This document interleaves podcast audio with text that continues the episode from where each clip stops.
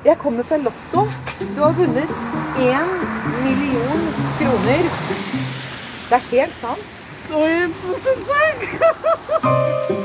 Kraft. En podkast fra NRK P2 om livet ditt. Tenk deg den følelsen.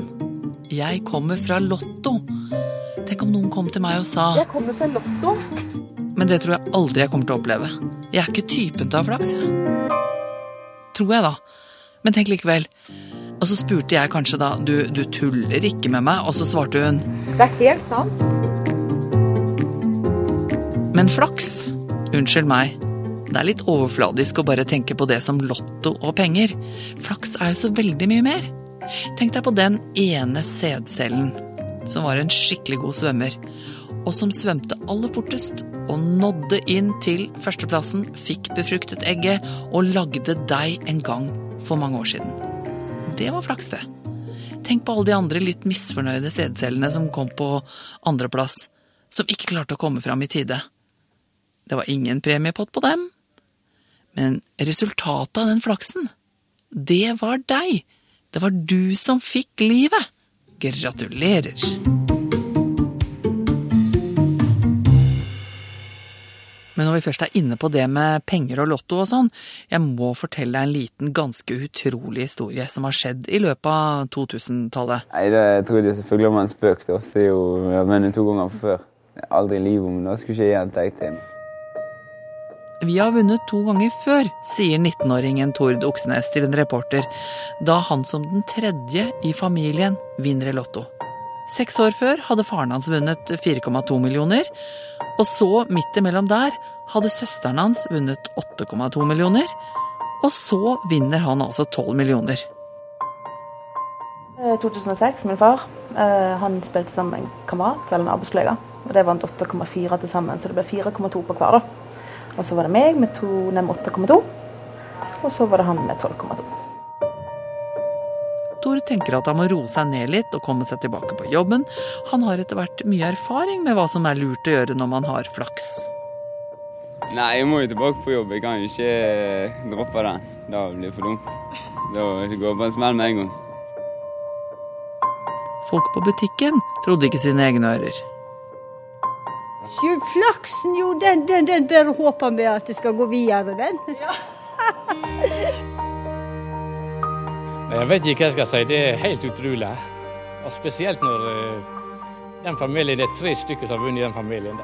At det går an. Helt utrolig.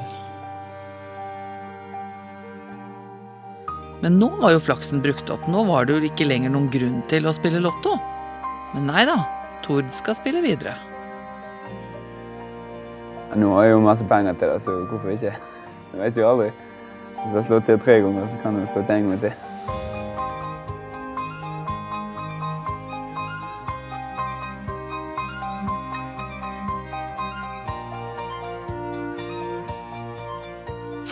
Kan være en stor, feit bankkonto du ikke har jobbet noe for, som bare har kommet dit av seg selv.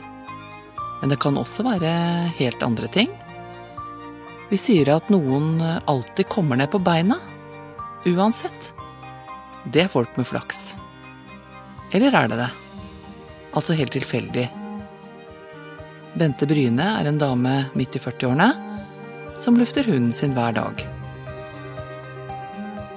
Ja, jeg skulle gå faste morgenruta med hunden. Og så kom jeg ut av huset der jeg bor og tusler bortover veien og stopper på ei gresslette som er like ved. Den ligger eh, ved siden av en hovedvei der hvor det går buss og biler og ja. Og så kjente jeg når jeg kom dit at jeg fikk litt sånn, eh, begynte å få litt hjertebank. Eh, og så tenkte jeg oi, hva skjer nå? Og så kom det egentlig litt som lyn fra klar himmel, for jeg følte liksom at jeg var eh, helt OK når jeg gikk ut. Og så kjente jeg at jeg begynte å bli litt sånn småsvimmel og litt ør. Eh, og bare tenkte at nei, nå, nå får jeg hjerteinfarkt. Nå dør jeg nå. Skal jeg ende opp her, liksom, på gressplenen. Og så ble det sånn nei, jeg må, må få sagt fra til noen. Jeg må få hjelp, jeg må på sykehuset. Og så må jeg få sagt til noen hvor jeg bor. For jeg har jo den hunden her òg, tenkte jeg. Og, sto, og da støtta meg til et sånt tregjerde som var på gressletta der. Hvor det plutselig kommer en stor lastebil kjørende forbi eh, med Nordan eh, skrevet på sida. Og så er det en mann eh, som titter litt på meg ut av vinduet, og jeg tenker at det, han må jeg bare få tak i. Og løfter hånda og vinker på han. Og han stopper bilen med en gang, og, eller den svære lastebilen, da. Og biler stopper bak, og de får jo ikke kjørt forbi han. Bussen kommer og får heller ikke kjørt forbi, og det ga han heldigvis blanke.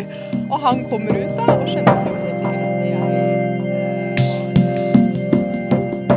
eh, Sier jeg til han, der som han står, da han, Vet du hva, nå er det noe som skjer med meg.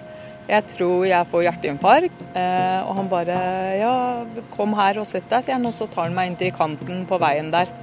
Og så peker jeg bort da for å vise hvor jeg bor, eh, og sier det at eh, jeg bor der borte. Datteren min er hjemme. Det er bare å ringe på hvis det skjer noe med meg nå.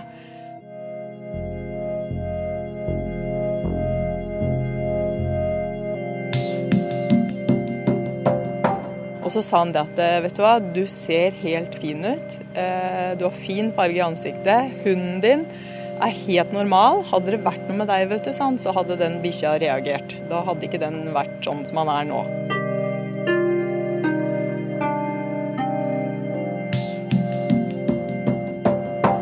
Og så sa jeg det at eh, nei, men jeg, jeg tror kanskje det er angst, da. Og så sa han ja, vet du hva, det er helt sikkert ikke noe med hjertet ditt, sier han. Jeg har en mor som nettopp eh, har vært hjertesyk, og jeg fikk det også for meg, sa han, at da var det noe galt med hjertet mitt. Og gikk og kjente på det hele tiden. Eh, og var helt sikker på at jeg også skulle få hjerteinfarkt, sier han da, og hadde tatt seg en tur til legen. Eh, han var helt eh, fin, som han sa. Det var ikke noe galt med han, så det var psykisk. Og så sa han du òg ser så fin og oppegående ut, dette her kommer til å gå fint. Eh, og han sa flere ganger sånn Jeg blir her til du vil at jeg skal dra, liksom. Bare si fra når du er klar. Og den trafikken hadde jo stoppa i veien. Men jeg tenker han gjorde så mye for meg der og da, bare ved det å stoppe og ha liksom eh, de rette orda å si, da. Og, og så hadde han et sånt fint og rolig sånn vesen. Jeg kjente at pulsen blei lavere og lavere. Fikk du sagt takk? Ja, jeg sa det. Jeg sa du, tusen, tusen hjertelig takk for hjelpa. Jeg trengte at du stoppa. Jeg trengte å snakke med deg. Så det Ja, jeg sa takk. Men jeg har tenkt på det etterpå. Kanskje egentlig burde sendt en, en kake på jobben eller noe. Det kan jo ikke være så Jo, det kan kanskje være vanskelig å finne han igjen. For det er sikkert mange som jobber på Nordan. Men uh, ja, han hjalp meg i hvert fall veldig, veldig mye.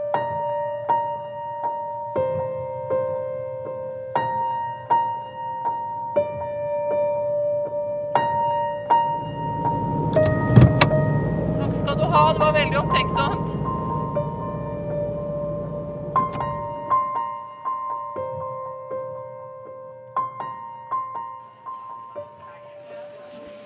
Hei. ordentlig, da. Ja, unnskyld, jeg er veldig kald. Ja, nei, men, men eh, Nei, du skjønner, jeg beklager at eh, eh, jeg har rotet med dette her, men det var, vi hadde denne avtalen forrige uke. Og da hadde jeg avtale med han her klokka ti, og Ja. derfor utsatte jeg det til kvart over ti. Og så eh, ble jeg så forkjøla, så måtte jeg av... Så prøvde jeg da å få plassert dere på to forskjellige dager, men så passet det ikke for han i går. Og dermed så Ble det rot? ble, ble det rot. Jeg gikk, flyttet jeg hele du, kalenderen. Jeg, jeg føler nå at jeg både har hatt uflaks og flaks. Først så fant jeg ikke parkering her. Ja. Og så tenkte jeg å guri, hva skal jeg gjøre med bilen min? Riktig. Og så kom jeg inn her, og så er det enda mer uflaks. Du sitter her ved bordet med noen andre. Og så, han, så løser jo han som sitter på møte sammen med deg, han løser jo Han- min uflaks. For jeg fikk jo parkeringen Ja, riktig. Det er sånn det foregår. Men du, kan vi sette oss et sted Ja. som er litt roligere? Ja, det var bare for at vi skulle ha et sted Sigurd, vi kunne kan vi ikke bare gå bort i gangen her? Det, la oss se om det er et Det er også noen. Carl Halvor Teigen er en nestor på Psykologisk institutt ved Universitetet i Oslo. Vi prøver å finne et kollokvierom som er stille. Han har forsket på flaks. Jeg vet at du kan snakke om flaks 1 og flaks 2. Hva er forskjellen på det?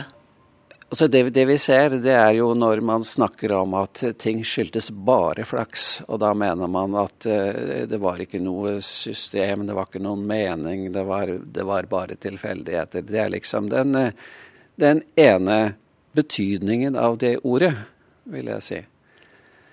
Eh, men det som skjer, det er at eh, man begynner å forestille seg at da må det ha vært en annen grunn enn det tilfeldige. Da må det ha vært noe ikke tilfeldig. Da må det ha vært noe enten englevaktaktig eller skjebneaktig eller et eller annet sånt. Eller meningen. Mening. mening meningsfullt. Så, så, det er det litt paradoksale med hvordan vi bruker begrepet, hvor noen bruker det om, eh, for å si at det var meningsløst, mens andre bruker det for å si at dette var en dypere mening. Men noen mennesker er jo, eh, kan man i hvert fall føle, er eh, fulgt av uflaks.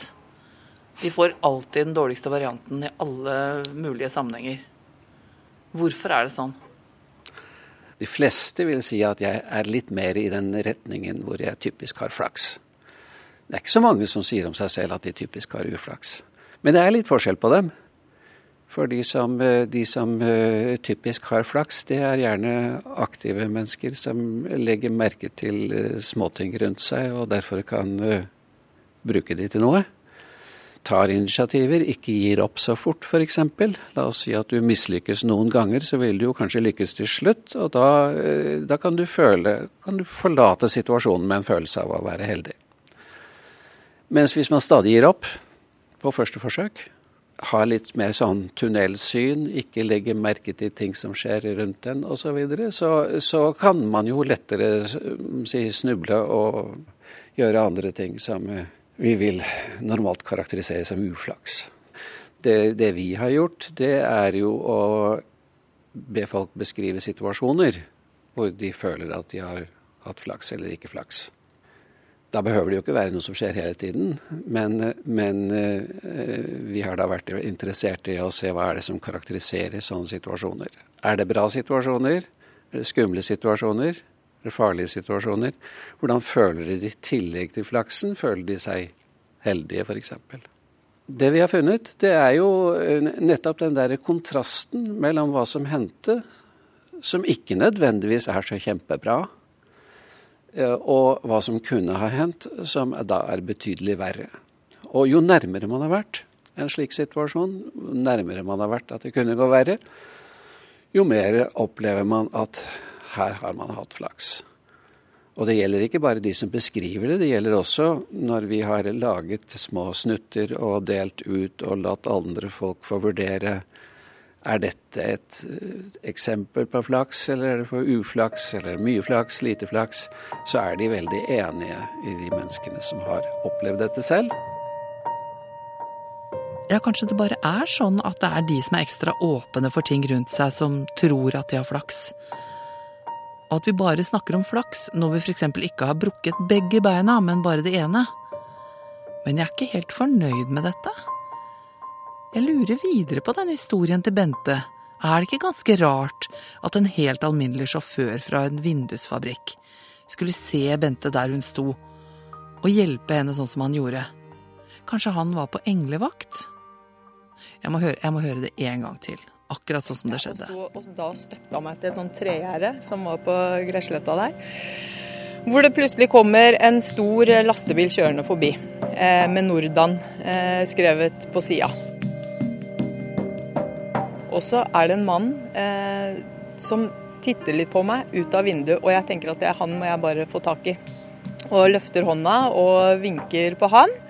Og han stopper bilen med en gang, og, eller den svære lastebilen, da, og biler stopper bak. Og de får jo ikke kjørt forbi han. Bussen kommer og får heller ikke kjørt forbi, og det ga han heldigvis blanke Og han kommer ut da og skjønner Og det her det er veldig rart. Hvorfor stopper han midt i trafikken?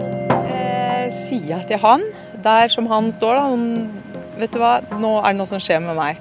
Jeg tror jeg får hjerteinfarkt. Eh, og han bare Ja, kom her og sett deg, sier han. Og så tar han meg inn til kanten på veien der. Og så peker jeg bort da for å vise hvor jeg bor, eh, og sier det at eh, jeg bor der borte. Datteren min er hjemme, så det er bare å ringe på hvis det skjer noe med meg nå. Henrik sier er filosof. Han er også kristen. Og han tror kanskje på engleteorien. Jeg spør han om dette med englevakt. Du som er religiøs, eh, finnes englevakt? Altså jeg tenker på sånn Når du ser sånne bilder av biler som liksom har kjørt av gårde, og så, så, så akkurat sneiet liksom forbi et stup eller et eller annet som står sånn og henger med det ene hjulet utafor og sånn. Jeg skal innrømme at jeg ikke er så glad i englevaktbegrepet. Fordi det er noe med de menneskene som eh, opplever at bilen raser utfor. Og det skjer. Ja, så, men da kan man si at ikke de hadde englevakt, da? Ja, men hvorfor ikke? Hvor, hvorfor ikke gjorde de noe galt? En type straff? Nei, jeg er litt redd for det. Men på den annen side så er jeg veldig sterk tilhenger av en opplevelse av at vi ikke er alene i det som skjer. Og det opplever vi jo noen ganger når ting går bra. At vi opplever Oi, du verden, tenk, det gikk, det gikk fint. Og vi opplever en takknemlighet for det. Takknemlighet er jeg sterk tilhenger av. Og går det gærent, så kan vi oppleve tilstedeværelsen da også, at vi ikke er alene i det som går galt. Eh, dette er del av noe som er større enn oss selv. Men man behøver kanskje ikke være religiøs for å tenke sånn. Og, og Av og til så kan man føle sånn Å, jeg tror det var meningen at jeg skulle møte deg i byen i dag. For tenk at du ga meg det rådet nå. Det var jo så viktig for meg. Og... Ikke sant? Ja, ja. Og da er vi det, det er spennende, for da kan vi jo snakke om skjebne. Og så hvis vi nå et øyeblikk tar bort den religiøse dimensjonen, og ikke det at jeg ønsker å ta den bort, for jeg tror den er, er viktig, men vi kan jo tenke den uten tenke altså denne problemstillingen uten den dimensjonen. Og si at noen ganger så oppleves det som om vi nærmest styres mot hverandre. At det er noe med f.eks. den psykiske, mentale kontakt mellom mennesker som ikke alltid kan forklares. At to mennesker plutselig tenker på hverandre samtidig. At de opplever at 'nå må jeg ringe den personen', eller 'nå må jeg besøke vedkommende'. Eller at plutselig de rette ordene kommer. Det har jeg opplevd selv. Ikke bare at jeg har sagt dem, at noen andre har sagt dem også. Og da er i hvert fall jeg åpen for, også fra et vitenskapelig ståsted, at vi mennesker noen ganger har evnen til å plukke opp ting, skjønne ting som det er vanskelig å forklare hvordan vi kan skjønne rent fysisk. Før kalte man det ofte en sjette sans. Og det er det jo mange psykologer og psykiatere og nevrologer og andre som er opptatt av å forstå og sier at der er det mye vi ikke forstår. Jeg har hørt om en mann for eksempel, som følte at han skulle gå av toget på Kongsberg og treffe noen mennesker der, og så skjedde det. Og så var han til hjelp for noen. Noen kaller jo det intuisjon, og intuisjon vet vi jo er noe man kan opparbeide også, hvis man forsøker å være litt mer oppmerksom på ting rundt seg. Og da er det ikke alltid så lett å gi en instruksjon i hvordan man skal gjøre det. Det er ikke sånn bruksanvisning. Intuisjon punkt 1.0. Bare gjør sånn. Det er et eller annet med å forsøke å være litt oppmerksom på følelser og hendelser rundt seg. Eh, så skal det vel også innrømmes at vi mennesker er forskjellige. Noen har kanskje mer av det enn andre. Og så har man sett at, at noen innbiller seg å ha det. Hvordan da? Det er klart det er en del mennesker som tror at de så en ufo som lettet på månen med Elvis om bord. Nå jeg, jeg, mener virkelig ikke å gjøre narr av noen, men det er klart at vi har en del ting som definitivt hører hjemme langt utenfor det som er virkeligheten. Men som folk sier, jeg føler det så utrolig sterkt. For det er nok en del mennesker som plutselig opplever at de har opplevd hemmeligheten til hele universet, f.eks. Og så må de dele det med alle andre. Og det er bare de som har sett det. Uh, og det kan det være grunn til å være på vakt overfor. Men det er jo fordi at mennesker ønsker å finne en sammenheng. Og jeg tror da at hvert eneste menneske som sådan har en type mening. Type verdi som menneske. Og slik skal jeg møte de menneskene. Altså de menneskene som satt og skrev FNs menneskerettighetserklæring i 1948. Eleanor Roosevelt og René Cassin og de andre. De har jo det som hele utgangspunktet sitt. Hvert eneste menneske, uansett evner og kvaliteter og farge og livssyn, har en iboende verdighet. Det vil si altså at de har en verdi som består i rett og slett det å være menneske. Livet deres har mening. Men da er vi tilbake til det jeg snakket om helt i starten. Da. Dette med øh, sædcellen som er den aller første som klarer å komme gjennom egget, ikke sant? Ja. og som blir til deg og blir til meg. Ja. Men er det bare flaks? Altså du er filosof, eller finnes det noe mening i at jeg er meg? Da må jeg som filosof svare jeg vet ikke det er så lett f.eks. fra et uh, materialistisk, naturvitenskapelig synspunkt å avfeie all mening. Det gir ingen mening å snakke om det. Det er et, uh, som man da kaller det på sånn vitenskapsspråk, metafenomen. Det er noe vi har funnet på, det er noe vi legger på. Eller på den annen side å si at det er en styrelse i absolutt hver eneste ting uh, som skjer. Jeg kan ikke vite det. Det er umulig å innta et vitenskapelig forhold til hvorfor den sædcellen traff akkurat uh, og, og, og, vant løpet. Og ble til deg. Og ble til meg. Og tenk om det hadde vært litt annerledes. da. Tenk om det var sædcelle nummer to, og så hadde vi nå sittet på eh, en strand på Hawaii, og du hadde snakket med en sånn eh, badevakt der. Det hadde vært kult. Det er en sånn hemmelig drøm å bli det.